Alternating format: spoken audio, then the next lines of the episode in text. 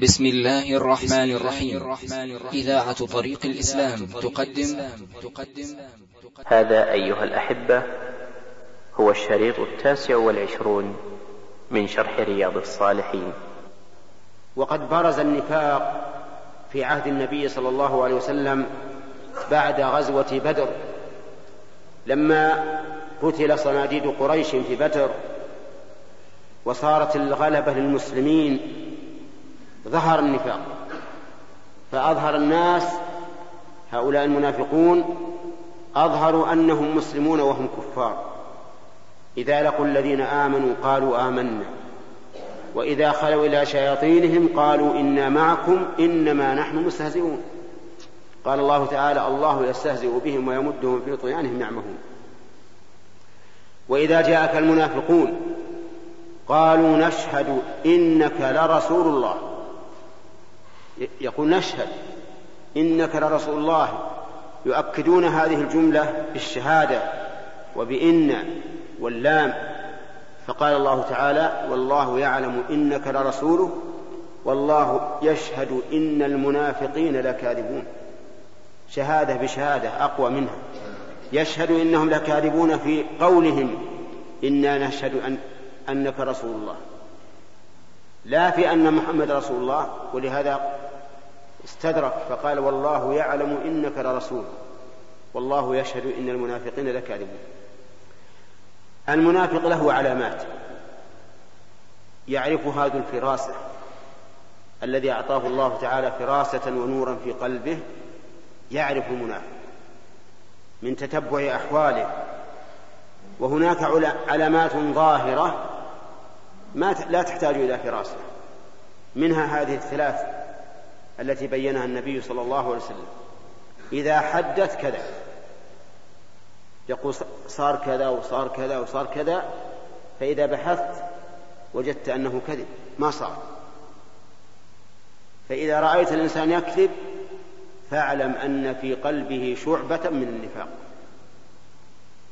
الثاني إذا وعد أخلف. إذا وعد أخلف. يعدك ولكن يخلف. يقول لك مثلا آتي إليك في الساعة السادسة صباحا ولكن ما يأتي. ما يأتي. آتي إليك غدا بعد صلاة الظهر ولكن ما يأتي. أعطيك كذا وكذا ولكن ما يعطيك. إذا وعد أخلف. والمؤمن إذا وعد وفى. كما قال تعالى والموفون بعهدهم إذا عهد. لكن المنافق يعدك ويغرك لا يفي لك.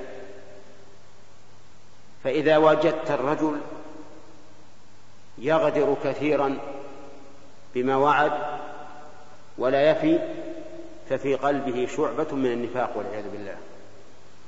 الثالث إذا اؤتمن خان وهذا الشاهد من هذا الحديث للباب. إذا إذا ائتمنته على مال خانك. إذا إذا ائتمنته على سر كلام بينك وبينه خانك. إذا ائتمنته على أهلك خانك. إذا ائتمنته على بيع أو شراء خانك. يخون. كلما ائتمنته على شيء يخونك والعياذ بالله. فهذا علامة النفاق. يدل على أن في قلبه شعبة من النفاق. وأخبر النبي عليه الصلاة والسلام بهذا بهذا الخبر لأمرين. الأمر الأول أن نحذر من هذه الصفات الثلاث الذميمة لأنها من علامات النفاق. ويخشى أن يكون هذا النفاق العملي يؤدي إلى النفاق الاعتقادي والعياذ بالله. فيكون الإنسان منافقا نفاق إيمان فيخرج من الإسلام وهو لا يشعر. فأخبرنا الرسول عليه الصلاة والسلام بهذا لنحذر. الثاني لنحذر من يتصف بهذه الصفات. ونعلم أنه منافق يخدعنا ويلعب بنا ويهك علينا ويغرنا. فصار فالفائدة من الخبر بهذا أمران. اولا أن نتجنب ذلك في أنفسنا والثاني أن نحذر من يتصف بهذه الصفات. ونعلم أنه منافق ولا نثق به ولا نعتمد عليه في شيء لأنه منافق والعياذ بالله. إذا عكس ذلك من علامات الإيمان المؤمن إذا حدث صدق المؤمن إذا وعد وفى المؤمن إذا إذا اؤتمن أدى الأمانة على وجهها هذا هو المؤمن. ومن الأسف أن قوما من السفهاء عندنا. يقول إذا وعدت بوعد قال هل هو هل هو وعد إنجليزي ولا وعد عربي؟ يعني الإنجليز هم اللي يكون بالوعد. وهذا لا شك أنه سفه وغرور بهؤلاء الكفرة. الإنجليز فيهم مسلمون وفيهم مؤمنون لكن جملتهم كفار. ووفاؤهم بالوعد لا يبتغون به وجه الله. لكن يبتغون به أن يحسنوا سلوكهم عند الناس. المؤمن في الحقيقة هو الذي يفي تماما. ولهذا يجب أن إذا أردت أن تؤكد تقول لصاحبك هل هو وعد مؤمن أو وعد منافق؟ هذا الصواب. أما وعد إنجليزي ولا وعد عربي ما هو صحيح. هل ميعادك لي وعد مؤمن لا تخلف أو وعد منافق تخلف؟ إن وفى فهو مؤمن. إن خال أخلف فهو منافق. نسأل الله أن يعيذنا وإياكم من النفاق العملي والعقدي إنه جواد كريم.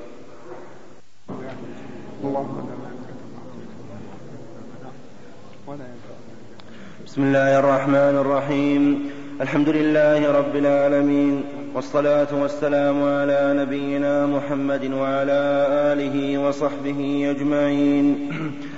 قال رحمه نقل المؤلف رحمه الله تعالى عن حذيفة بن اليمان رضي الله عنه قال حدثنا رسول الله صلى الله عليه وسلم حديثين.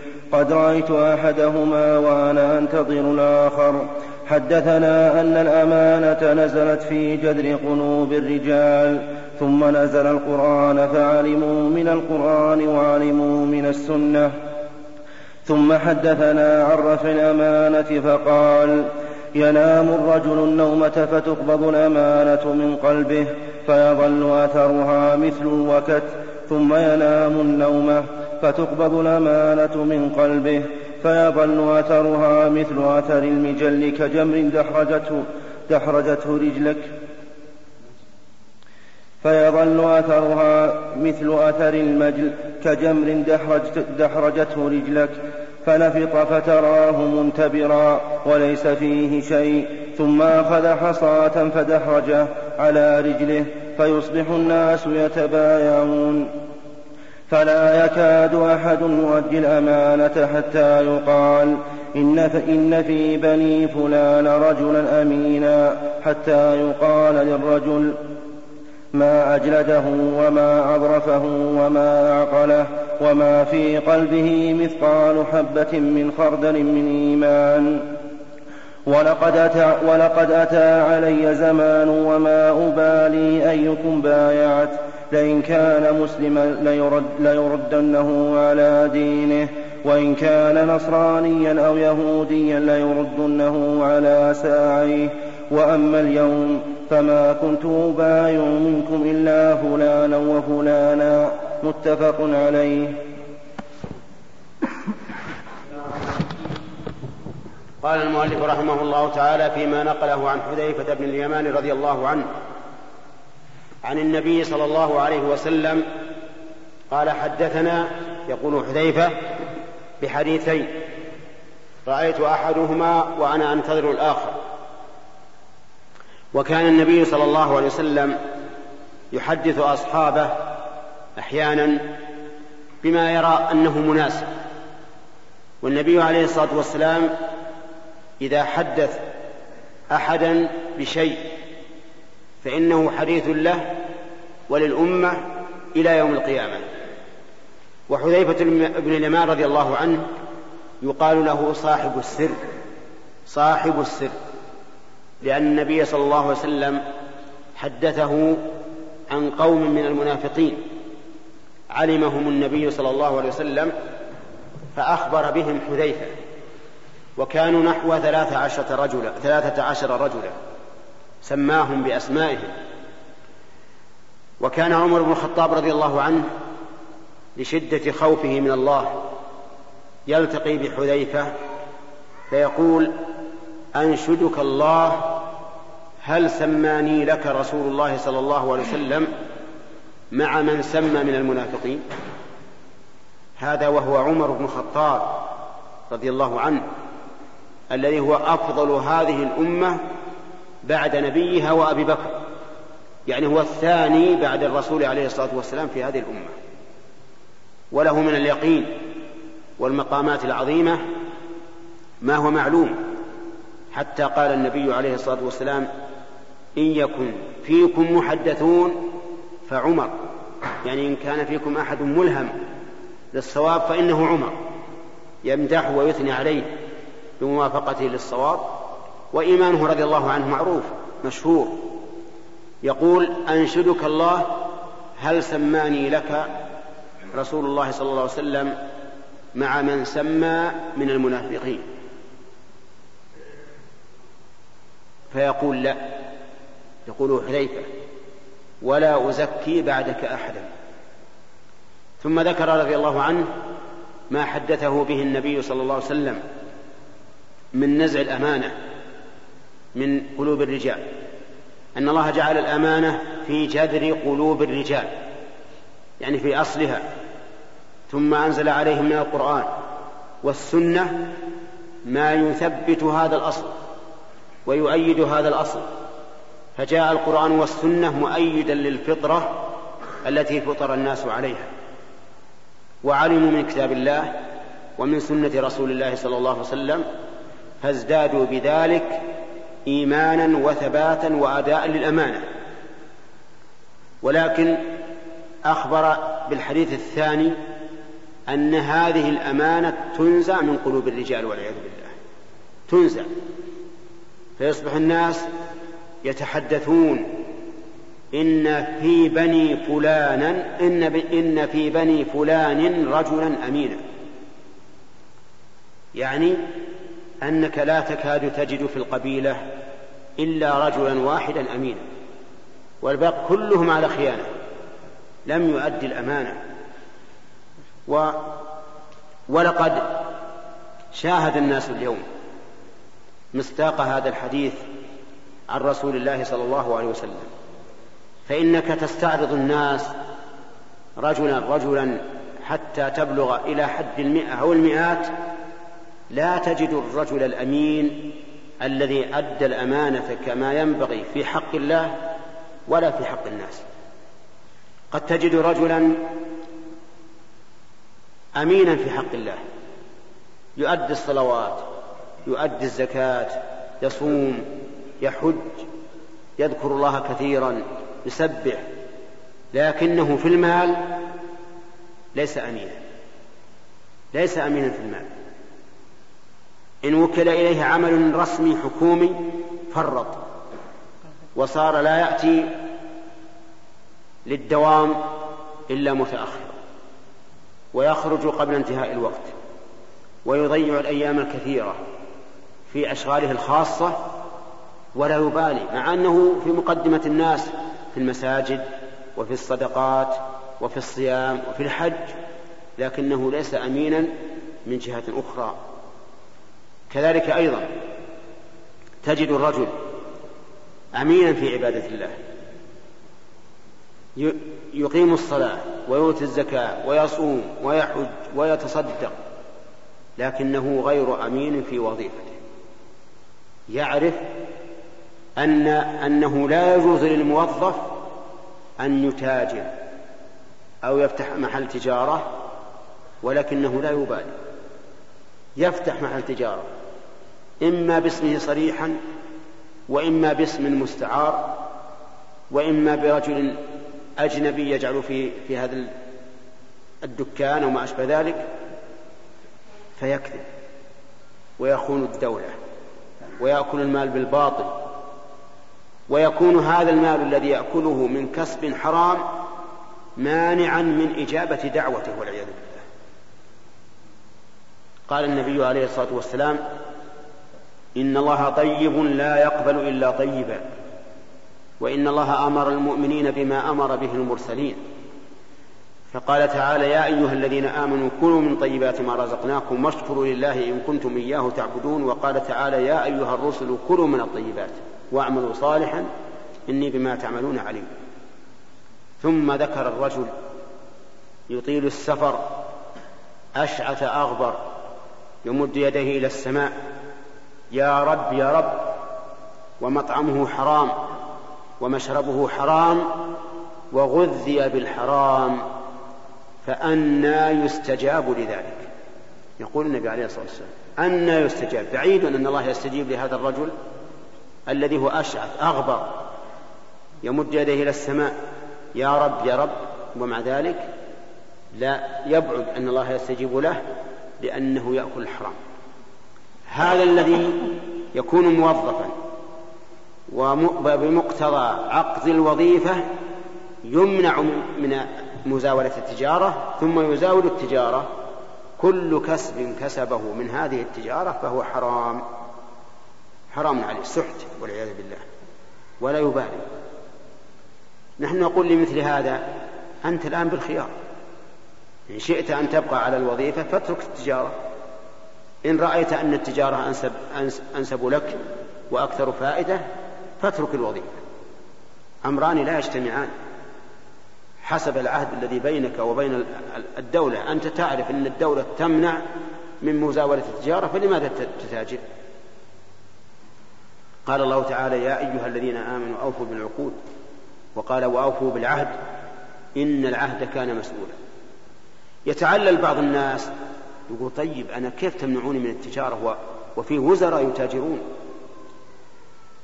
يتاجرون بالأراضي يتاجرون بغيرها شركات كبيرة. فنقول إذا ضل الناس لم يكن ضلالهم هدى. إذا كانوا هم ضالين ظالمين بما صنعوا فلا تضل أنت ولا تظلم. فإذا قال مثلا هذه النظم جاءت من بين أيديهم أو من تحت أيديهم هم الذين شرعوها فكيف يخالفونها؟ نقول طيب حسابهم على الله. حسابهم على الله. سيكون هم أول من يحزن ويتحسر على ما صنع إذا كان يوم القيامة. في يوم ليس عندهم مال يفدون به أنفسهم ولا خدم ولا بوابين ولا غيره أنت لا يهمك ما دام شرع لك أو ما دام عقدت على أنك لا تمارس التجارة فلا تمارسها. ولا تحتج بأفعال من خالف هذا. نسأل الله لنا ولكم الهداية وأن يجعلنا وإياكم من الأمناء المؤدين للأمانة في حق الله وحق عباده. ابن إبراهيم خليل الله. قال فيأتون إبراهيم فيقول لست بصاحب ذلك إنما كنت خليلا من وراء وراء. اعمدوا إلى موسى الذي كلمه الله تكليما. فيأتون موسى فيقول لست بصاحب ذلك. اذهبوا إلى عيسى كلمة الله وروحه. فيقول عيسى لست بصاحب ذلك. فيأتون محمدا صلى الله عليه وسلم.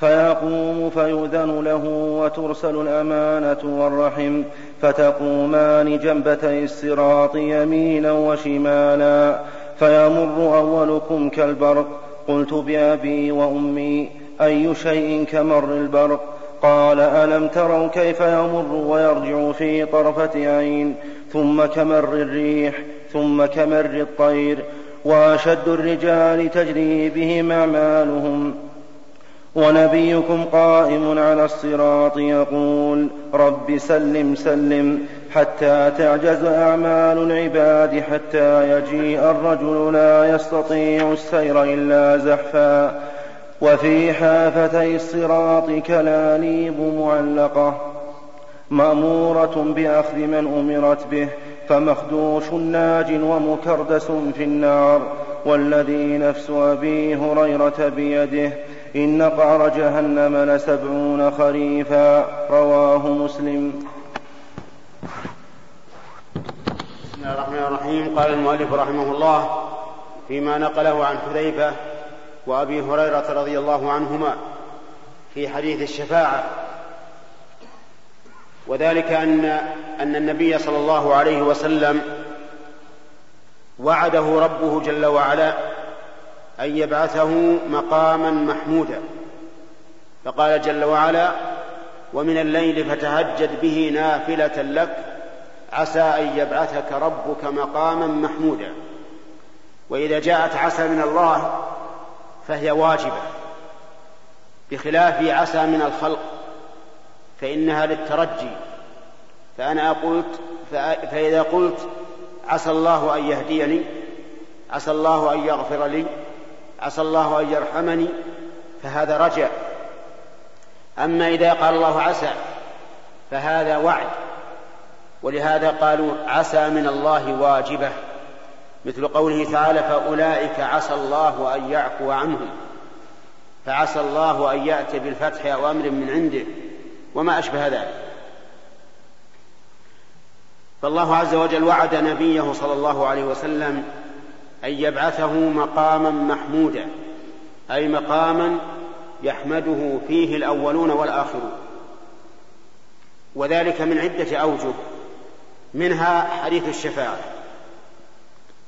فإن الناس يبعثون يوم القيامة حفاة عراة غرلا حفاة ليس عليهم نعال وعراة ليس عليهم ثياب وغرلا ليس فيهم ختان.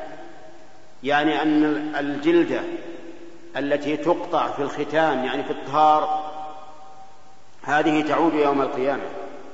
كما قال تعالى كما بدأنا أول خلق نعيد فيجتمع الخلائق والشمس فوقهم قدر ميل والأمر أهوال عظيمة. يشاهدون الجبال تمر مر السحاب. تكون هباء منثورا فيلحقهم من الهم والغم ما لا يطيقون فيقول بعضهم لبعض ألا تطلبون من ألا تطلبون من يشفع لنا عند الله؟ فيذهبون إلى آدم ويطلبونه الشفاعة فيذكر خطيئته التي وقعت منه.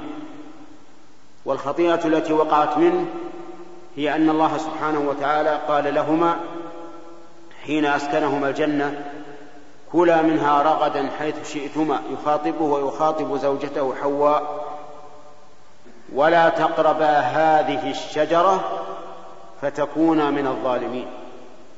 شجرة عينها الله عز وجل وليس لنا في معرفة نوعها كبير فائدة. ولهذا نحن لا نعرف هذه الشجرة. هل هي زيتونة؟ هل هي حنطة؟ هل هي عنب؟ هل هي نخل؟ الله أعلم. نبهمها كما أبهمها الله عز وجل. ولو كان لنا في تعيينها فائدة لعينها الله عز وجل. قال كلا من هذه الشجرة ولا تق... نعم. كلا منها رغدا حيث شئتما ولا تقربا هذه الشجرة فتكون من الظالمين. فأتاهما الشيطان فوسوس لهما ودلاهما بغرور وقاسمهما إني لكما لمن الناصحين. وهكذا يفعل في بنيهم في بنيهما بني آدم يغرهم ويغريهم ويوسوس لهم ويقسم لهم أنه ناصح وهو كذوب. فيذكر خطيئته أنه أكل هو وزوجته من هذه الشجرة فأمرهم الله عز وجل أن يهبطا من الجنة إلى الأرض. فهبطا إلى الأرض وكانت منهما هذه الذرية التي منها الأنبياء والرسل والشهداء والصالحون. ثم يعتذر بهذا العذر. وفي هذا الحديث آني في حديث الشفاعة أن آدم يعتذر بأكله من الشجرة. دليل على أن القصة التي رويت عن ابن عباس أن حواء حملت فجاءهما الشيطان فقال سمي الولد عبد الحارث. فأبى أو لأجعلن له قرني أيل فيخرج من بطنك فيشقه فأبيا أن يطيعاه وجاءهما في المرة الثانية فأبيا أن يطيعاه.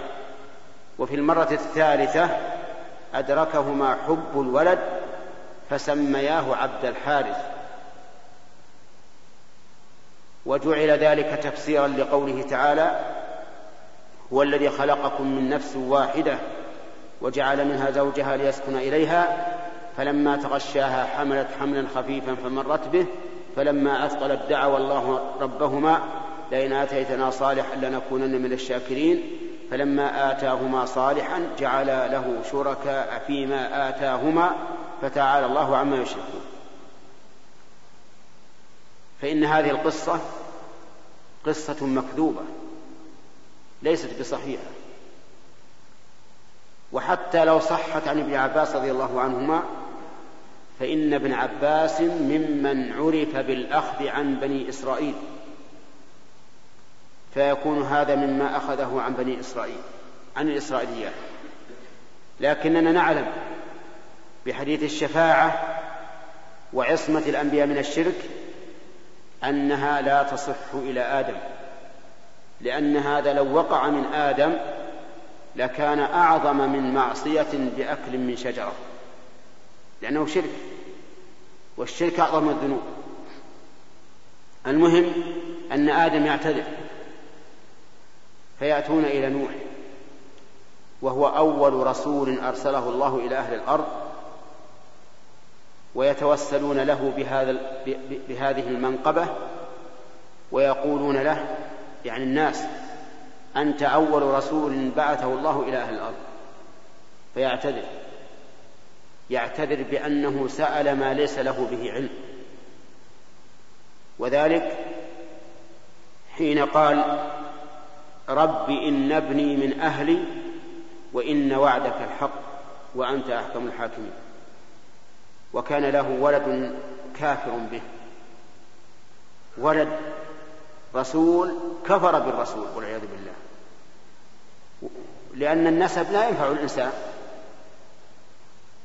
ابن العالم لا يأتي عالما قد يكون جاهلا. ابن العابد لا يأتي عابدا قد يكون فاسقا فاجرا. ابن الرسول لا يكون مؤمنا. بل إن ابن نوح أحد أبنائه كان كافرا. وكان أبوه يقول يا بني اركب معنا ولا تكن مع الكافرين. قال سآوي إلى جبل يعصمني من الماء. قال لا عاصم اليوم من أمر الله إلا من رحم وحال بينهما الموت فكان من المغرقين. غرق الولد مع الكافرين والعياذ بالله. فيعتد وكان نوحا وكان نوح قد قال رب إن ابني من أهلي وإن وعدك الحق وأنت أحكم الحاكمين. فيعتذر نوح بأنه سأل ما ليس له به علم.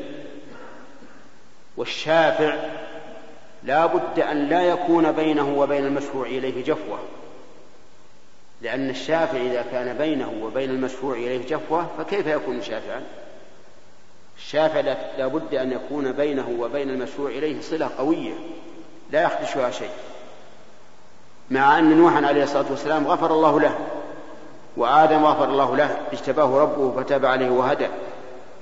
ولكن لكمال مرتبتهم وعلو مقامهم جعلوا هذا الذنب الذي غفر لهم جعلوه مانعا من الشفاعة. كل هذا تعظيما لله عز وجل وحياء منه وخجلا منه. ويأتي إن شاء الله بقية الكلام على الحديث. فمخدوش ناج ومكردس في النار والذي نفس أبي هريرة بيده إن قعر جهنم لسبعون خريفا. رواه مسلم. رحمه الله. في بقية ما نقله من حديث حذيفة وأبي هريرة رضي الله عنهما في الشفاعة. وقد سبق لنا أن الناس يأتون إلى آدم ثم إلى نوح ثم يأتون إلى إبراهيم خليل الله عز وجل فيعتذر ويقول إنه كذب في ذات الله ثلاث كذبات.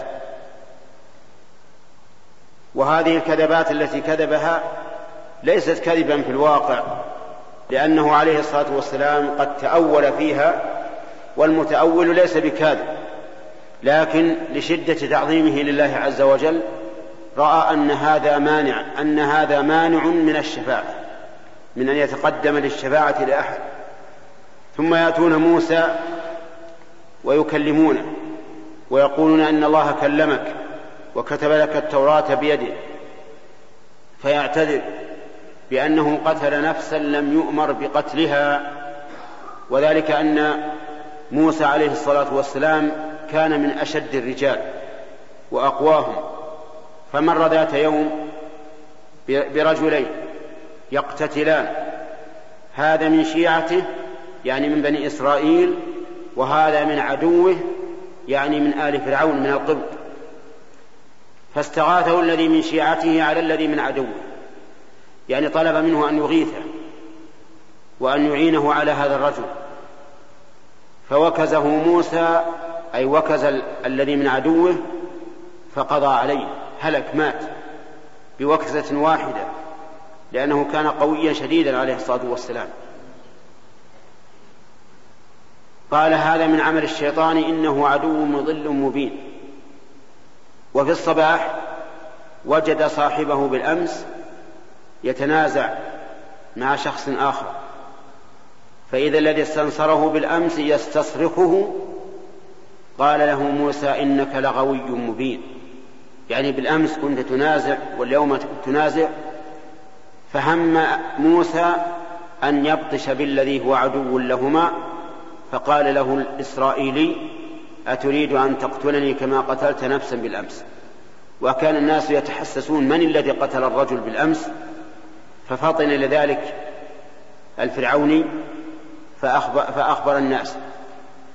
فهذا موسى يعتذر بأنه قتل نفسا لم يؤمر بقتلها ثم يذهبون إلى عيسى ويقول له أنت كلمة الله وروحه. كلمته يعني أنك خلقت بكلمة الله وروحه يعني أنك روح من أرواح الله عز وجل التي خلقها فيعتذر ولكنه لا يذكر ذنبا أو لا يذكر شيئا يعتذر به ولكنه يحيلهم إلى النبي صلى الله عليه وسلم فيقول اذهبوا إلى محمد عبد غفر الله له ما تقدم من ذنبه وما تأخر. فيأتون إلى النبي صلى الله عليه وسلم فيشفع فيؤذن له فيشفع. يشفع في الناس حتى يقضى بينهم. وفي هذا الحديث الذي ذكره المؤلف رحمه الله أن الأمانة والرحم تقفان على جنبتي الصراط. والصراط جسر ممدود على جهنم. واختلف العلماء في هذا الجسر. هل هو جسر واسع أو أنه جسر ضيق؟ ففي بعض الروايات أنه أدق من الشعر وأحد من السيف. ولكن الناس يعبرون عليه والله على كل شيء قدير.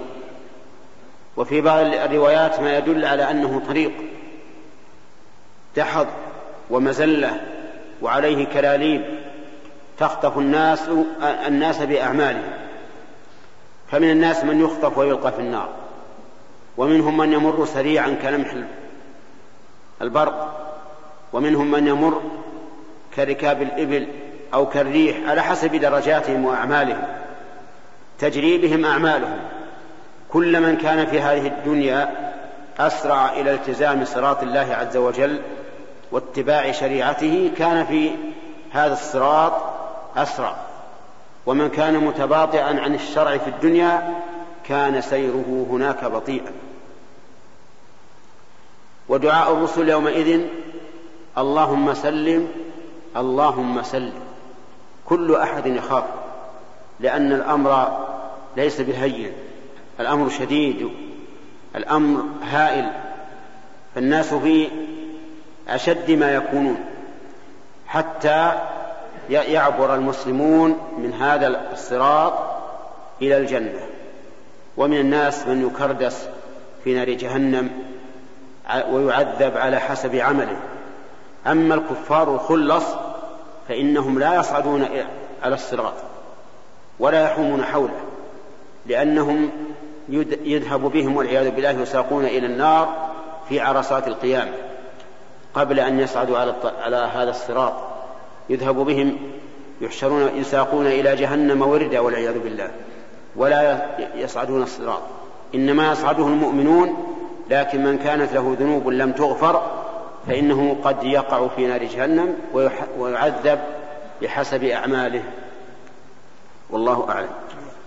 بسم الله الرحمن الرحيم. الحمد لله رب العالمين. والصلاة والسلام على نبينا محمد وعلى آله وصحبه أجمعين. قال رحمه الله تعالى باب تحريم الظلم والأمر برد المظالم. قال الله تعالى ما للظالمين من حميم ولا شفيع يطاع. وقال تعالى وما للظالمين من نصير. عن جابر بن عبد الله رضي الله عنهما أن رسول الله صلى الله عليه وسلم قال اتقوا الظلم فإن الظلم ظلمات يوم القيامة واتقوا الشح فإن الشح أهلك من كان قبلكم حملهم على أن سفكوا دماءهم واستحلوا محارمهم رواه مسلم. قال المؤلف رحمه الله تعالى باب تحريم الظلم ووجوب, ووجوب رد المظالم يعني إلى أهلها. هذا الباب يشتمل على أمرين الأمر الأول تحريم الظلم والثاني وجوب رد المظالم. واعلم أن الظلم هو النقص. قال الله تعالى كلتا الجنتين آتت أكلها ولم تظلم منه شيئا يعني لم تنقص منه شيئا. والنقص يكون إما بالتجرع على ما لا يجوز للإنسان وإما بالتفريط فيما يجب عليه. وحينئذ يدور الظلم على هذين الأمرين إما ترك واجب وإن وإما فعل محرم. والظلم نوعان. ظلم يتعلق بحق الله عز وجل وظلم يتعلق بحق العباد. فأعظم الظلم المتعلق بحق الله هو الإشراك به. فإن النبي صلى الله عليه وسلم سئل أي الذنب أعظم؟ قال أن تجعل لله ندا وهو خلقك. ويليه الظلم في الكبائر والظلم ثم الظلم في الصغائر. أما في حقوق الله فالظلم يدور على ثلاثة أشياء. بينها النبي صلى الله عليه وسلم في خطبة حجة الوداع فقال إن دماءكم وأموالكم وأعراضكم حرام عليكم كحرمة يومكم هذا في شهركم هذا في بلدكم هذا. يدور على الظلم في النفس وهو الظلم في الدماء. بأن يعتدي الإنسان على حق غيره بأن يعتدي الإنسان على غيره بسفك الدماء أو الجروح أو ما أشبه ذلك. الأموال بأن يعتدي الإنسان ويظلم غيره في الأموال إما بعدم بذل الواجب وإما بإتيان المحرم إما أن يمتنع من واجب عليه وإما أن يفعل شيئا محرما في مال غيره. وأما الأعراض فيشمل الاعتداء على الغير بالزنا واللواط والقذف وما أشبه ذلك. وكل وكل الظلم بأنواعه محرم. ولن يجد الظالم من ينصره. قال الله تعالى ما للظالمين من حميم ولا شفيع يطاع. يعني أنه يوم القيامة لا يجد الظالم حميما أي صديقا ينجيه من عذاب الله ولا يجد شفيعا يشفع له فيطاع لأنه منبوذ لظلمه وغشمه وعدوانه. فالظالم لن يجد من ينصره يوم القيامة. وقال تعالى وما للظالمين من أنصار. يعني لا يجدون أنصارا ينصرونهم من عذاب الله سبحانه وتعالى في ذلك اليوم. ثم ذكر المؤلف رحمه الله حديث جابر بن عبد الله رضي الله عنهما أن النبي صلى الله عليه وسلم قال اتقوا الظلم. اتقوه يعني احذروه. والظلم هو كما مر مر عليكم الآن يكون في حق الله وفي حق العباد. اتقوا الظلم أي لا تظلموا أحدا لا تظلموا أحدا لا أنفسكم ولا غيرهم فإن الظلم ظلمات يوم القيامة. الظلم ظلمات يوم القيامة ويوم القيامة ليس ليس فيه نور إلا من أنار الله تعالى له. وأما من, من لم يجعل الله له نورا فما له من نور. والإنسان وإن كان مسلما له نور بقدر إسلامه لكنه إذا كان ظالما فقد من هذا النور بمقدار ما حصل من الظلم. لقوله اتقوا الظلم فإن الظلم ظلمات يوم القيامة. ومن الظلم من الظلم مطل الغني يعني أن لا يوفي ما عليه وهو غني به لقول النبي صلى الله عليه وسلم مطل الغني ظلم. وما أكثر الذين يماطلون بحقوق الناس. تجده يكون مطلوبا فيأتيه الطالب صاحب الحق. يا فلان أعطني حقي فيقول غدا. فيأتيه من الغد فيقول بعد غدا. وهكذا فإن هذا ظلم. يكون يوم القيامة ظلمات على صاحبه. واتقوا الشح الشح الحرص على المال فإنه أهلك من كان قبلكم. لأن الحرص على المال نسأل الله السلامة يوجب للإنسان أن يكسب المال من أي وجه كان من حلال أو حرام. بل قال النبي عليه الصلاة والسلام حملهم أي حمل من كان قبلنا على سفك أموالهم على سفك دمائهم وعلى استحلال أموالهم. سفك الدماء إذا لم يتوصل إلى طمعه إلا بالدماء لا يهم يسفك الدماء. كما هو الواقع في أهل الشح يقطعون الطريق على المسلمين يقتلون الرجل ويأخذون متاعه ويأخذون بعيره وكذلك أيضا يعتدون على الناس في البلاد في داخل البلاد يقتلونهم ويهتكون حجب بيوتهم فيأخذون المال. فحذر النبي عليه الصلاة والسلام من أمرين من الظلم ومن الشح. فالظلم هو الاعتداء على الغير والشح الطمع فيما عند الغير. فكل ذلك محرم ولهذا قال الله تعالى في كتابه ومن يوق شح نفسه فأولئك هم المفلحون.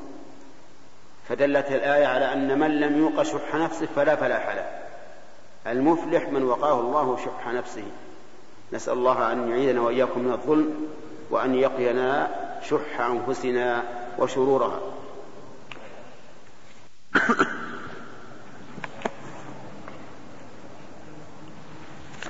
بسم الله الرحمن الرحيم.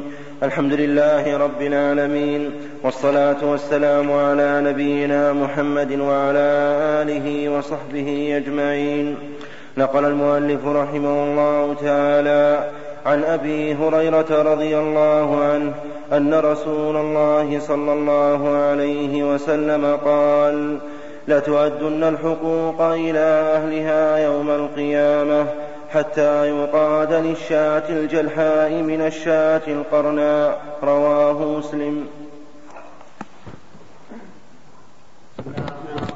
المؤلف رحمه الله تعالى فيما نقله عن أبي هريرة رضي الله عنه أن النبي صلى الله عليه وسلم قال لتؤدين, لتؤدين الحقوق إلى أهلها يوم القيامة حتى إنه ليقتص للشاة الجلحاء من الشاة القرناء.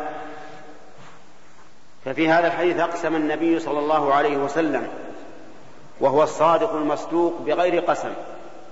أقسم أن الحقوق ستؤدى إلى أهلها يوم القيامة ولا يضيع لأحد حق الحق الذي لك إن لم تستوفه في الدنيا استوفيته في الآخرة ولا بد حتى إنه يقتص للشاة الجلحاء من الشاة القرناء الجلحاء التي ليس لها قرن والقرناء التي لها قرن.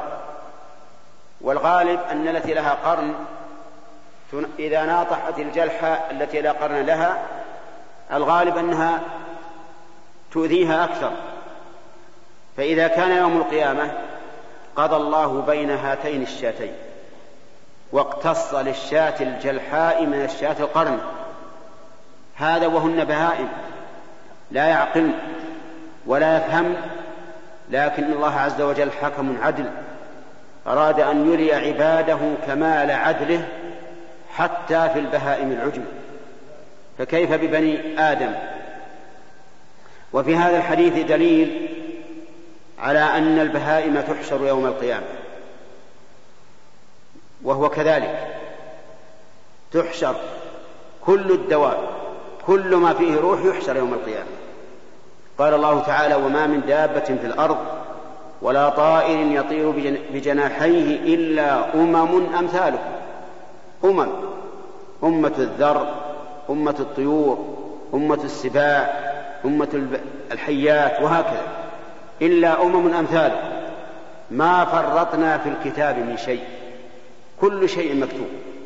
حتى أعمال البهائم هذه والحشرات مكتوبة في اللوح المحفوظ. ما فرطنا في الكتاب من شيء ثم إلى ربهم يحشرون. وقال تعالى وإذا العشار عطلت وإذا الوحوش حشرت يحشر يوم القيامة كل شيء. ويقضي الله تعالى بينهم بحكمه وعدله وهو السميع العليم. يختص من البهائم بعضها مع بعض. ومن الآدميين بعضهم مع بعض ومن الجن بعضهم مع بعض ومن الجن والإنس بعضهم مع بعض لأن الإنس قد يعتدون على الجن والجن قد يعتدون على الإنس. فمن عدوان الجن على الإنس الشيء الكثير ومن عدوان الإنس على الجن أن يستجمر الإنسان بالعظم الاستجمار بالعظام جناية على الجن. عدوان على الجن. لأن النبي صلى الله عليه وسلم نهى أن نستنجي بالعظام وقال إنها زاد إخوانكم من الجن. الجن يجدون العظام أوفر ما تكون لحما العظام التي نأكلها نأكل لحمها نحن ونلقيها نرميها بالأرض. يجدونها الجن مكسوة اللحم. يأكلونها. فإذا استجمر أحد بها فقد اعتدى عليهم وقدرها عليهم ويخشى أن يؤذوه إذا آذاهم بهذا. على كل حال يوم القيامة يقتص للمظلوم من الظالم من حسنات الظالم إلا إذا نفدت فيؤخذ من سيئات المظلوم فيطرح عليه. قال النبي عليه الصلاة والسلام من تعدون المفلس فيكم؟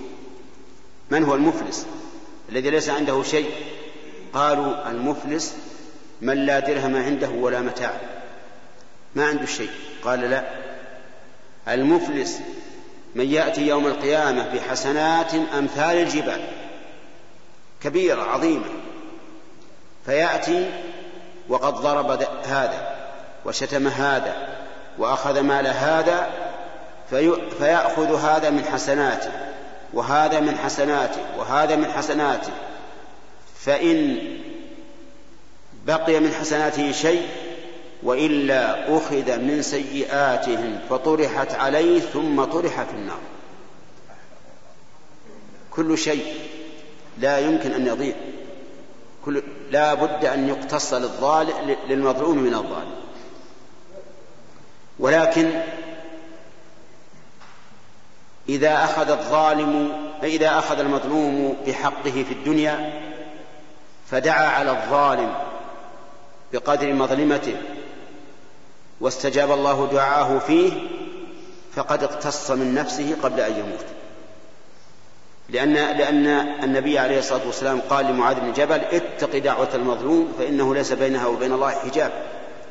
فقد يدعو المظلوم على ظالمه ويستجيب الله دعاه وحينئذ يكون انتهى. اقتص منه في الدنيا.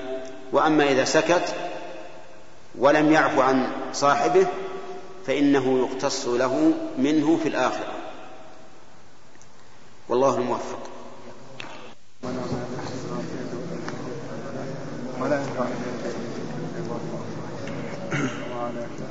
بسم الله الرحمن الرحيم. الحمد لله رب العالمين والصلاة والسلام على نبينا محمد وعلى آله وصحبه أجمعين. نقل المؤلف رحمه الله تعالى عن عبد الله بن عمر رضي الله عنهما قال كنا نتحدث عن حجة الوداع والنبي صلى الله عليه وسلم بين أظهرنا ولا ندري ما حجة الوداع حتى حمد الله رسول الله صلى الله عليه وسلم وأثنى عليه. ثم ذكر المسيح الدجال فأطلب في ذكره وقال ما بعث الله من نبي إلا أنذره أمته. أنذره نوح والنبيون من بعده وإنه إن يخرج فيكم فما خفي عليكم من شأنه فليس يخفى عليكم فليس يخفى عليكم أن ربكم ليس بأعور وإنه أعور عين اليمنى. كأن عينه عنبة طافية. ألا إن الله حرم عليكم دماءكم وأموالكم. كحرمة يومكم هذا في شهركم هذا ألا هل بلغت قالوا نعم قال اللهم اشهد ثلاثا ويلكم أو قال ويحكم انظروا لا ترجعوا بعدي كفارا يضرب بعضكم رقاب بعض رواه البخاري وروى مسلم بعضه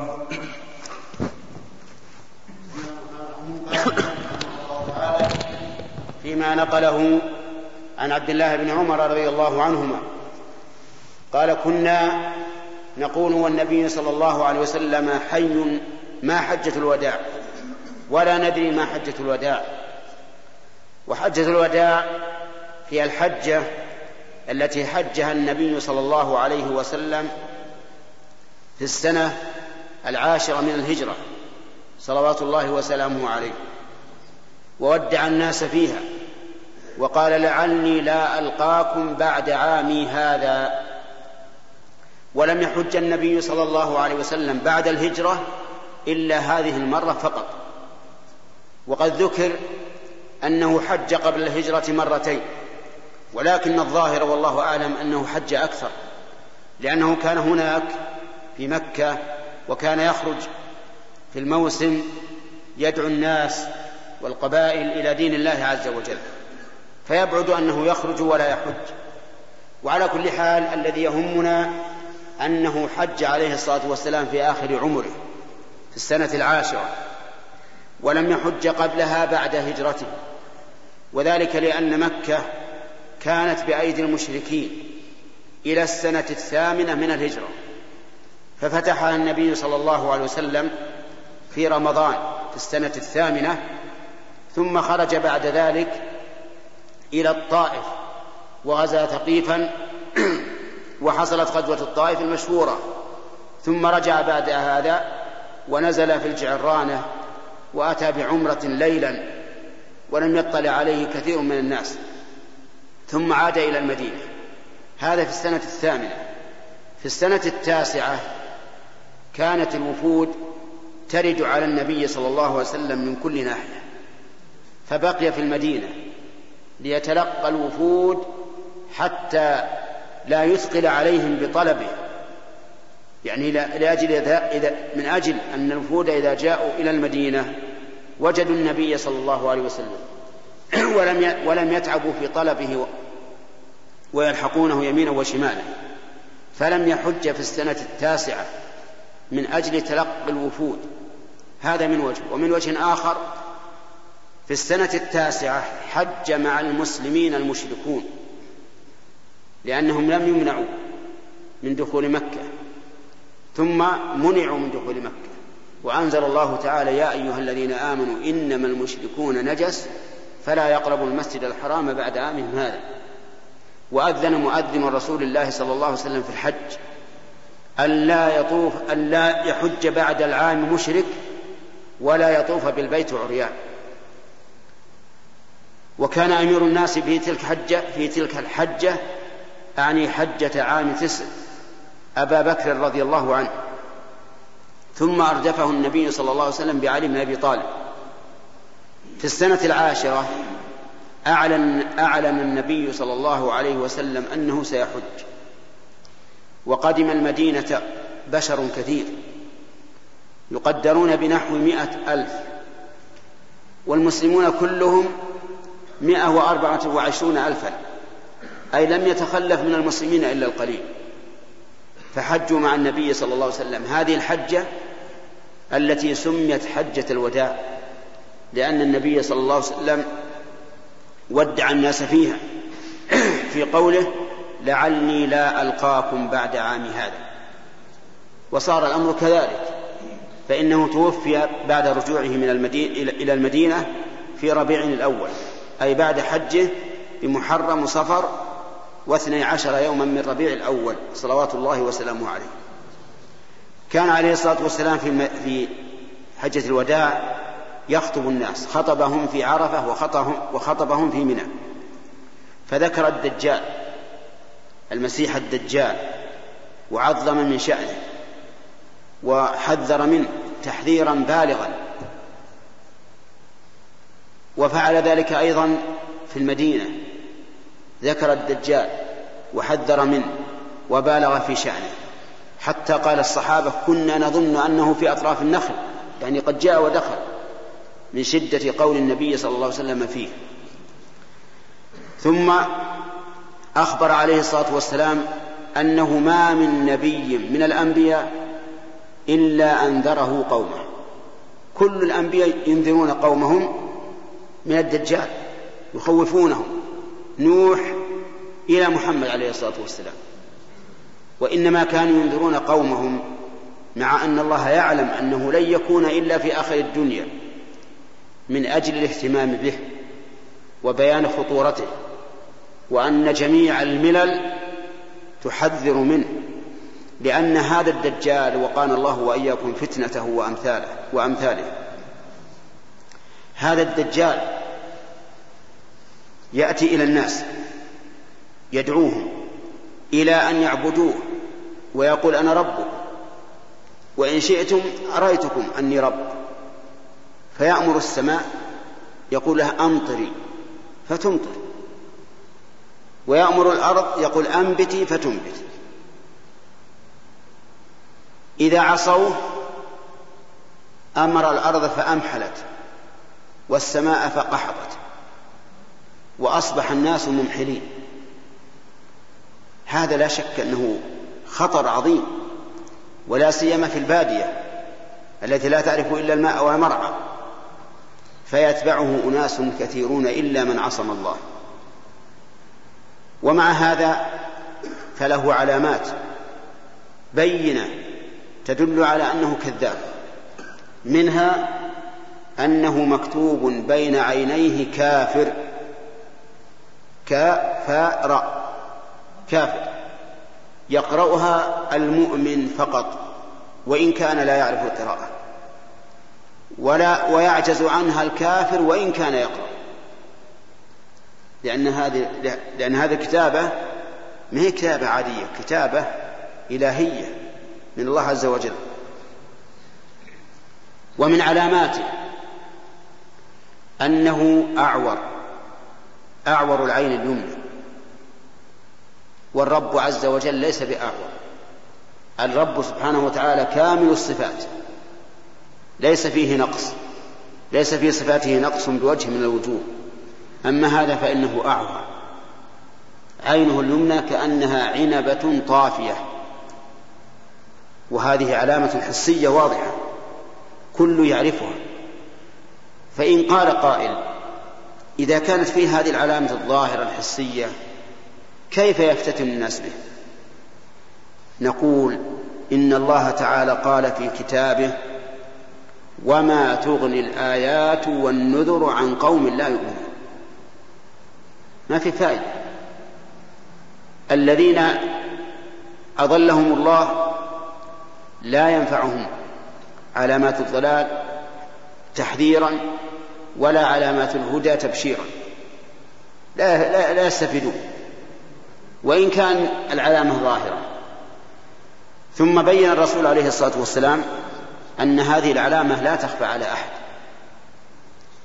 وبين في حديث آخر أنه إن خرج والنبي صلى الله عليه وسلم فيهم فهو حجيجه دونهم النبي حاج عن أمته. صلى الله عليه وسلم. قال وإن يخرج وأنا لست, وأنا لست فيكم فالله خليفتي على كل مسلم. فوكل الرب عز وجل. فالحاصل أن الرسول عليه الصلاة والسلام حذر من الدجال تحذيرا بالغا. وليعلم أن الدجال الأكبر يخرج في آخر الزمان. ويبقى في الأرض أربعون يوما أربعون يوما فقط. لكن اليوم الأول كسنة اثنا عشر شهرا تبقى الشمس في أوج السماء ستة أشهر من من المشرق إلى المغرب. ما تغيب. وتبقى غائبة ليلا ستة أشهر. هذا أول يوم. واليوم الثاني كشهر. واليوم الثالث كجمعة. وبقية الأيام كسائر الأيام. كم يبقى؟ سبعة وثلاثون يوم. كسائر الأيام. لما حدث النبي عليه الصلاة والسلام الصحابة بهذا الحديث لم يستشكلوا كيف تبقى الشمس سنة كاملة ما تدور على الأرض وهي تدور عليها في أربعة وعشرين ساعة. ما استشكلوا هذا؟ لأنهم يعلمون أن قدرة الله فوق ذلك وأن الله على كل شيء قدير. والصحابة ليسوا يسألون في الغالب عن المسائل الكونية القدرية لأنهم يعلمون قدرة الله عز وجل لكن يسألون عن الأمور التي تهمهم الأمور الشرعية. لما حدث بأنه يبقى سنة قالوا يا رسول الله اليوم الذي كسنه هل تكفينا فيه صلاة واحدة؟ قال لا. اقدروا له قدره. يعني قدروا ما بين الصلاتين وصلوا لو ما وإن لم تزل الشمس. مثلا إذا طلع الصبح نصلي الصبح. إذا مضى من الوقت ما بين الصبح إلى الزوال صلينا الظهر. حتى لو كانت الشمس في أول المشرق. وهي ستكون في أول المشرق لأنها ستبقى سنة كاملة. فقال اقدروا له قدره إذا نصلي في اليوم الأول صلاة السنة. والصيام نصوم نصوم شهرا ونقدر للصوم. والزكاة نعم كذلك. وهذه ربما يلغز بها. يقال مال لم يمض عليه إلا يوم فوجبت فيه الزكاة. كذلك أيضا اليوم الثاني نقدر فيه صلاة شهر والثالث صلاة أسبوع والرابع تعود الأيام كما هي. وفي إلهام الله للصحابة أن يسألوا هذا السؤال عبرة لأنه يوجد الآن في شمالي الأرض وجنوبي الأرض يوجد أناس تغيب عنهم الشمس ستة أشهر وتطلع عليهم ستة أشهر. لولا هذا الحديث لأشكل على الناس كيف يصلي هؤلاء وكيف يصومون. لكن الآن طبق هذا الحديث على حال هؤلاء وقل هؤلاء الذين تكون الشمس عندهم سنة كاملة يقدرون للصلاة قدرها كما أرشد النبي صلى الله عليه وسلم الصحابة في تقدير الصلاة في أيام الدجال. ويأتي إن شاء الله بقية الكلام على هذا الحديث. عن عائشة رضي الله عنها أن رسول الله صلى الله عليه وسلم قال من ظلم قيد شبر من الأرض طوقه من سبع أراضين. متفق عليه.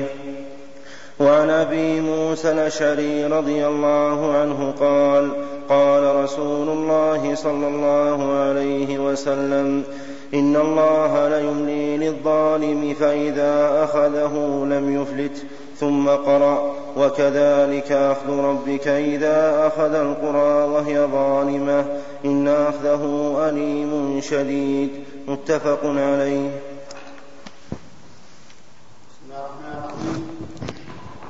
نقل المؤلف عن عائشة رضي الله عنها أن النبي صلى الله عليه وسلم قال من ظلم من الأرض قيد شبر طوقه يوم القيامة من سبع أراضين. هذا فيه نوع من أنواع الظلم وهو ظلم الأراضي. وظلم الأراضي من أكبر الكبائر لأن النبي صلى الله عليه وسلم لعن من غير منار الأرض. لعن من غير منار الأرض. قال العلماء منار الأرض حدودها لأنه مأخوذ من المنور وهو العلامة. فإذا غير إنسان منار الأرض بأن أدخل شيئا من أرض جاره إلى أرضه فإنه ملعون على لسان النبي صلى الله عليه وسلم. واللعن هو الطرد والإبعاد عن رحمة الله. وثمة عقوبة أخرى وهي ما ذكره في هذا الحديث. أنه إذا ظلم قيد شبر طوقه يوم القيامة من سبع أراضين. لأن الأراضين سبع كما جاءت به السنة صريحا وكما ذكره الله تعالى في القرآن إشارة. قال الله تعالى الله الذي خلق سبع سماوات ومن الأرض مثلهن ومعلوم أن المماثلة هنا ليست في الكيفية لأن بين السماء والأرض من الفرق كما بينهما من المسافة. الأرض أكبر بكثير من السماء أكثر بكثير من الأرض وأوسع وأعظم. قال الله تعالى والسماء بنيناها بأيد أي بقوة وقال تعالى وبنينا فوقكم سبعا شدادا أي قوية. فالإنسان إذا ظلم قيد شبر من الأرض يطوق هذا يوم القيامة من سبع أراضين يعني يجعل طوقا في عنقه والعياذ بالله. يحمله أمام الناس أمام العالم يخزى به يوم القيامة ويتعب به. وقوله قيد شبر من الأرض ليس هذا على سبيل القيد بل هو على سبيل المبالغة. يعني فإن ظلم ما دونه طوقه أيضا. لكن العرب يذكرون مثل هذا للمبالغة. يعني لو كان شيئا قليلا قيد شبر فإنه يطوقه يطوقه يوم القيامة. وفي هذا الحديث دليل على أن من ملك الأرض ملك قعرها إلى الأرض السابعة. إذا ملك الإنسان قطعة من الأرض فهي ملكه إلى الأرض السابعة. فليس لأحد أن يدخل أن يضع نفقا تحت أرضك إلا بإذنك يعني لو فرض أن لك أرضا مسافتها ثلاثة أمتار بين أرضين لجارك فأراد جارك أن يفتح نفقا بين أرضيه وتحت أرضك فليس له الحق في ذلك لأنك تملك الأرض وما تحتها إلى الأرض السابقة كما أن الهواء لك إلى السماء فلا أحد يستطيع أن يبني على أرضك سقفا إلا بإذنك. ولهذا قال العلماء الهواء تابع للقرار والقرار ثابت إلى الأرض السابقة. فالإنسان له من فوق ومن تحت مقدار ملكه لا أحد, لا أحد يتجرأ عليه. قال أهل العلم ولو كان عند جارك شجرة فامتدت أغصانها إلى أرضك وصار الغصن على أرضك فإن, فإن الجار يلويه عن أرضك فإن لم يمكن ليه فإنه يقطع إلا بإذن منك لأن الهواء لك الهواء تابع للقرار. أما حديث أبي موسى الأشعري رضي الله عنه فقد قال النبي صلى الله عليه وسلم إن الله يملي للظالم فإذا أخذه لم يفلت يملي له يعني يمهل له. حتى يتمادى في ظلمه والعياذ بالله فلا يعاجله بالعقوبة وهذا من البلاء. نسأل الله أن يعيذنا وإياكم من البلاء. أن يملى للإنسان في ظلمه فلا يعاقب به سريعا حتى تتكدس عليه المظالم فإذا أخذه الله لم يفلس أخذه أخذ عزيز مقتدر. ثم قرأ النبي صلى الله عليه وسلم وكذلك أخذ ربك إذا أخذ القرى وهي ظالمة إن أخذه أليم شديد. فعلى الإنسان الظالم أن يفكر في نفسه وألا يغتر بإملاء الله له فإن ذلك مصيبة فوق مصيبة الظلم. لأن الإنسان إذا عوقب بالظلم عاجلا ربما يتذكر. ويتعظ ويدع الظلم لكن إذا أملي له واكتسب آثاما واكتسب ظلما ازدادت عقوبته والعياذ بالله فيؤخذ على غرة حتى إذا أخذه الله لم يفلت نسأل الله تعالى أن يرزقنا وإياكم الاعتبار بآياته وأن يعيذنا وإياكم من ظلم أنفسنا وظلم غيرنا إنه جواد كريم.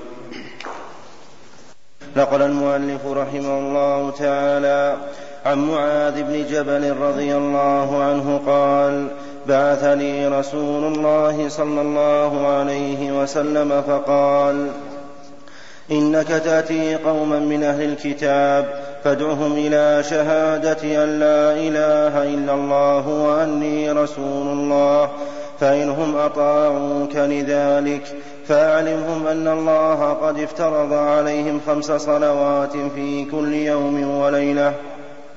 فانهم اطاعوا لذلك فاعلمهم أن الله قد افترض عليهم صدقة تؤخذ من أغنيائهم فترد على فقرائهم. فانهم أطاعوك لذلك فإياك وكرائم أموالهم. واتق دعوة المظلوم فإنه ليس بينها وبين الله حجاب. متفق عليه.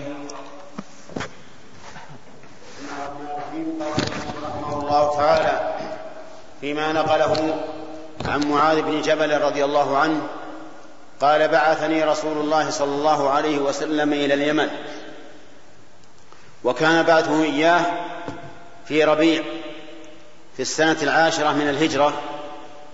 بعثه صلى الله عليه وسلم إلى اليمن وكانوا أهل كتاب وقال له إنك تأتي قوما أهل كتاب أخبره بحالهم ليكون مستعدا لهم لأن الذي يجادل من أهل الكتاب يكون عنده من الحجة أقوى مما عند المشرك. لأن المشرك جاهل. والذي أوتى الكتاب عنده علم.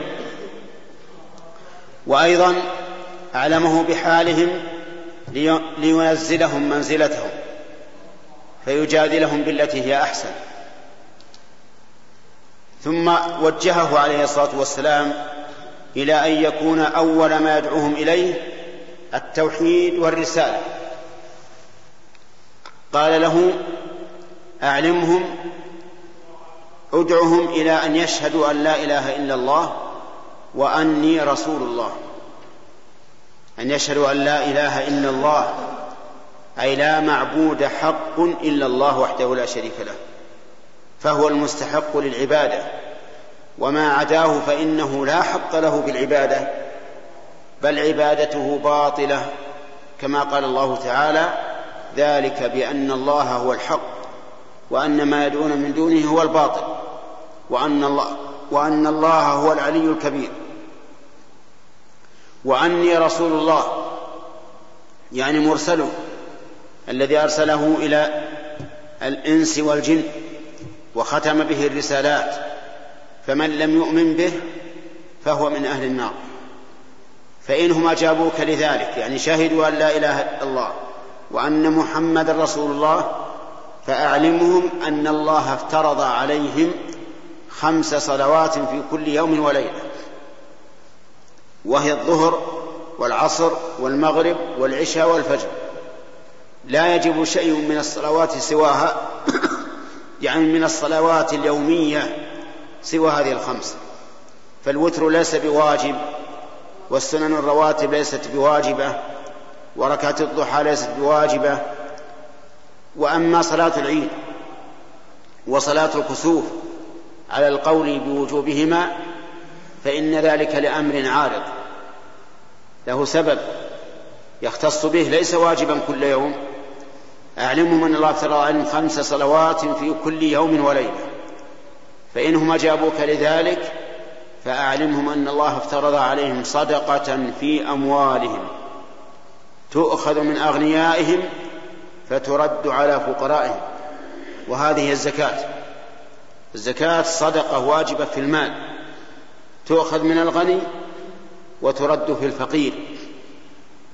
والغني هنا من يملك نصابا زكويا.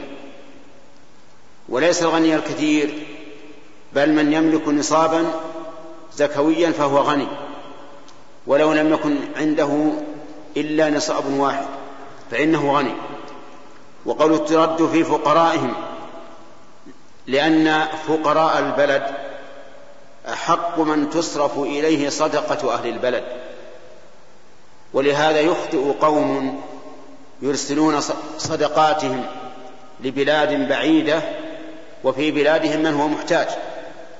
فإن ذلك حرام عليهم لأن النبي صلى الله عليه وسلم قال تؤخذ من أغنيائهم فترد في فقرائهم ولأن الأقربين أولى بالمعروف ولأن الأقربين يعرفون المال عندك ويعرفون أنك غني فإذا لم ينتفعوا بمالك فإنه سيقع في قلوبهم من العداوة والبغضاء ما تكون أنت السبب فيه. وربما إذا رأوا أنك تخرج صدقتك لبلاد بعيدة وهم محتاجون ربما يعتدون عليك يهجمون عليك يفسدون أموالك. ولهذا كانت من الحكمة أن الإنسان ما دام أهل بلده في حاجة أن لا يصرف صدقته إلى غيره. تؤخذ من أغنيائهم فترد في فقرائهم. فإنهم أجابوك لذلك ووافقوا فإياك وكرائم أموالهم. يعني لا تأخذ من أموالهم الطيب ولكن خذ المتوسط. المتوسط لا تظلم ولا تظلم. واتق دعوة المظلوم. يعني أنه أنك إذا أخذت من كرائم أموالهم فإنك ظالم لهم. وربما يدعون عليك. فاتق دعوتهم فإنه ليس بينها وبين الله حجاب. تصعد إلى الله تعالى ويستجيبها. وهذا هو الشاهد من هذا الحديث للباب الذي ساقه المؤلف فيه أن الإنسان يجب عليه أن يتقي دعوة المظلوم ويستفاد من هذا الحديث فوائد كثيرة. منها ما يتعلق بهذا الباب ومنها ما يتعلق بغيره وسنذكرها إن شاء الله في الدرس القادم. نقل المؤلف رحمه الله تعالى عن معاذ بن جبل رضي الله عنه قال بعثني رسول الله صلى الله عليه وسلم فقال إنك تأتي قوما من أهل الكتاب فادعهم إلى شهادة أن لا إله إلا الله وأني رسول الله فإنهم اطاعوا لذلك فاعلمهم أن الله قد افترض عليهم خمس صلوات في كل يوم وليلة. فإنهم أطاعوا لذلك فاعلمهم أن الله قد افترض عليهم صدقة تؤخذ من أغنيائهم فترد على فقرائهم. فإنهم أطاعوا لذلك فإياك وكرائم أموالهم واتق دعوة المظلوم فإنه ليس بينها وبين الله حجاب. متفق عليه.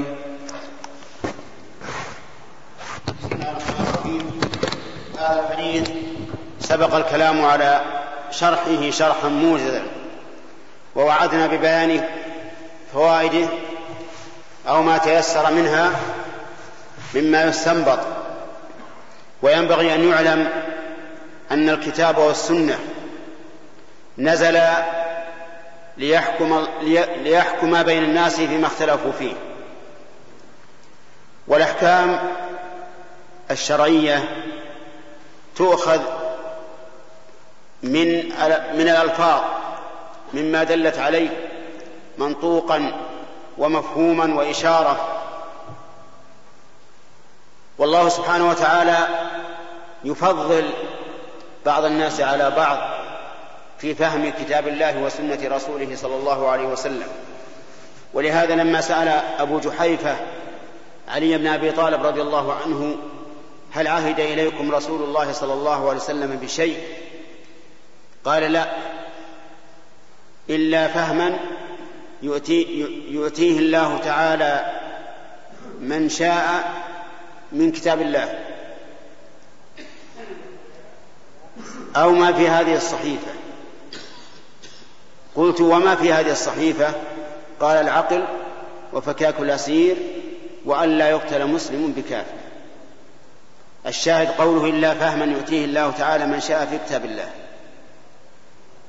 فالناس يختلفون والذي ينبغي لطالب العلم خاصة أن يحرص على استنباط الفوائد والأحكام من نصوص الكتاب والسنة لأنها هي المورد هي المورد المعين. فاستنباط الأحكام منها بمنزلة الرجل يرد على الماء فيستسقي منه في في إنائه فمقل ومستكثر. فهذا الحديث العظيم الذي بين فيه معاذ بن جبل رضي الله عنه ماذا بعثه به النبي صلى الله عليه وسلم إلى أهل اليمن. فيه فوائد. أولا وجوب بعث الدعاة إلى الله. وهذا من خصائص ولي الأمر. يجب على ولي أمر المسلمين أن يبعث الدعاة إلى الله في كل مكان. كل مكان يحتاج إلى الدعوة يحتاج إلى الدعوة فإن على ولي أمر المسلمين أن يبعث من يدعو الناس إلى دين الله عز وجل. لأن هذا دأب النبي صلى الله عليه وسلم وهديه أن يبعث الرسل يدعون إلى الله عز وجل. ومنها أنه ينبغي أن يذكر للمبعوث حال المبعوث إليهم حتى يتأهب لهم وينزلهم منزلتهم لئلا يأتيهم على غرة فيريدون عليه من الشبهات ما ينقطع به ويكون في هذا مضرة عظيمة على الدعوة. يعني ينبغي للداعي أن يكون على أهبة واستعداد لما يلقيه إليه المدعو إليه المدعوون. حتى لا يأتيه الأمر على غرة فيعجز وينقطع. وحينئذ يكون في ذلك ضرر على الدعوة. ومنها أن أول ما يدعى إليه الناس شهادة أن لا إله إلا الله وأن محمد رسول الله. قبل كل شيء. لا تقل للكفار مثلا إذا أتيت لتدعوهم لا تقل اتركوا الخمر. اتركوا الزنا اتركوا الربا. هذا غلط. أصل الأصل أولا ثم فرع الفروع. فأول ما تدعو أن تدعو إلى التوحيد والرسالة. أن يشهدوا أن لا إله إلا الله وأن محمدا رسول الله.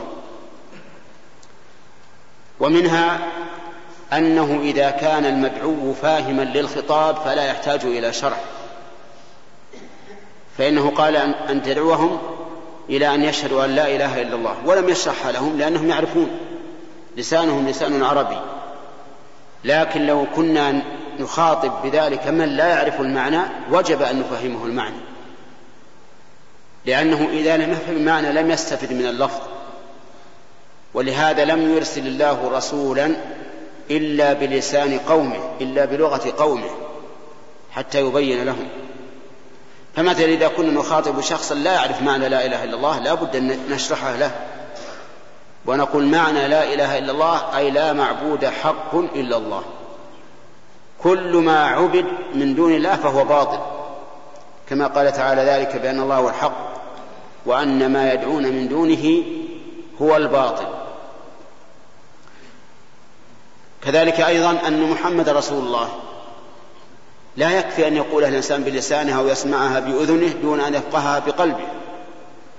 فيبين له معنى أن محمد رسول الله فيقال محمد هو ذلك الرجل الذي بعثه الله عز وجل من بني هاشم. بعثه ليخرج الناس من الظلمات إلى النور. أرسله بالهدى ودين الحق. فبين للناس كل خير ودعاهم إليه وبين لهم كل شر وحذرهم منه. وهو رسول الله الذي يجب أن يصدق بما أخبر ويطاع فيما أمر ويترك ما عنه نهى وزجر. يبين له ويبين أنه رسول وليس بعبد وليس برب وليس بكذاب بل هو عبد لا يعبد ورسول لا يكذب صلوات الله وسلامه عليه. ثم بعد وهذا عن الشهادتين شهادة أن لا إله إلا الله وأن محمد رسول الله هو مفتاح الإسلام. ولهذا لا تصح أي عبادة إلا بشهادة أن لا إله إلا الله وأن محمد رسول الله. ومن فوائد هذا الحديث أن أهم شيء بعد الشهادتين هي الصلاة. لأن النبي صلى الله عليه وسلم قال إنهم أجابوك لذلك فأعلمهم أن الله افترض عليهم خمس صلوات في كل يوم وليلة. ومن فوائده أن أن الوتر ليس بواجب. أن الوتر ليس بواجب. لأن النبي صلى الله عليه وسلم لم يذكره ولم يذكر إلا خمس صلوات فقط. وهذا القول هو القول الراجح من أقوال أهل العلم. ومن العلماء من قال إن الوتر واجب. ومنهم من فصل وقال من كان له ورد من الليل وقيام من الليل فالوتر عليه واجب ومن لا فلا. والصحيح أنه ليس بواجب مطلقا لأنه لو كان واجبا لبينه الرسول صلى الله عليه وسلم. ومن فوائد هذا الحديث أن الزكاة واجبة فرض من فروض الإسلام وهي الركن الثالث بعد وهي الركن الثالث من أركان الإسلام والثاني بعد الشهادتين. ولهذا قال أعلمهم أن الله افترض عليهم صدقة في أموالهم تؤخذ من أغنيائهم. ومنها من فوائد هذا الحديث أن الزكاة واجبة في المال لا في الذمة. لكن الصحيح أنها واجبة في المال ولها تعلق بالذمة. ويتفرع على هذا فوائد. منها لو قلنا إنها واجبة في الذمة لسقطت الزكاة على من عليه دين. لأن محل الدين الذمة وإذا قلنا محل الزكاة الذمة وكان عليه ألف وبيده ألف لم تجب عليه الزكاة لأن لأن الحقين تعارضا والصحيح أنها واجبة في المال. لقوله تعالى خذ من أموالهم صدقة وقال في هذا الحديث أعلمهم أن الله افترض عليهم صدقة في أموالهم لكن لها تعلق بالذمة بمعنى أنها إذا وجبت وفرط الإنسان فيها فإنه يضمن فلها تعلق بالذمة. ومن فوائد هذا الحديث أن الزكاة لا تجب على الفقير لقوله من أغنيائهم فترد في فقرائهم. ولكن من هو الغني؟ هل هو الذي يملك ملايين؟ الغني في هذا الباب هو الذي يملك نصابا. إذا ملك الإنسان نصابا فهو غني. تجب عليه الزكاة. وإن كان قد يكون فقيرا من وجه آخر لكنه غني من حيث وجوب الزكاة عليه. ومن فوائد الحديث أن الزكاة تصرف في فقراء البلد لقوله فترد في فقرائهم. ولا تخرج عن البلد إلا لسبب. أما ما دام في البلد مستحقون فإنهم أولى من غيرهم. وقد حرم بعض العلماء إخراج الزكاة عن البلد إذا كان فيه مستحقون واستدل بهذا الحديث وبأن فقراء البلد تتعلق أنفسهم بما عند أغنيائهم وبأن الأغنياء إذا صرفوها إلى خارج البلد ربما يعتدل الفقراء عليهم ويقول حرمتمونا من حقنا فيتسلطون عليهم بالنهب. والإفساد. ولا شك أن من الخطأ أن يخرج الإنسان زكاة ماله إلى البلاد البعيدة مع وجود مستحق في بلده لأن الأولى لأن الأقرب أولى بالمعروف. ويأتي إن شاء الله بقية الكلام على هذا الحديث.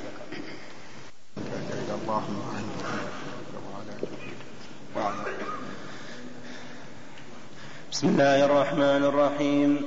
الحمد لله رب العالمين والصلاة والسلام على نبينا محمد وعلى آله وصحبه أجمعين.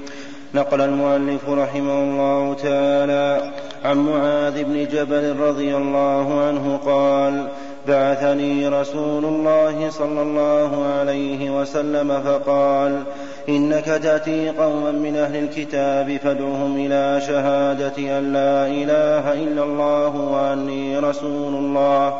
فإنهم أطاعوا لذلك. فاعلمهم أن الله قد افترض عليهم خمس صلوات في كل يوم وليلة. فإنهم أطاعوا لذلك. فاعلمهم أن الله قد افترض عليهم صدقة تؤخذ من أغنيائهم فترد على فقرائهم. فإنهم أطاعوا لذلك فإياك وكرائم أموالهم واتق دعوة المظلوم فإنه ليس بينها وبين الله حجاب. متفق عليه.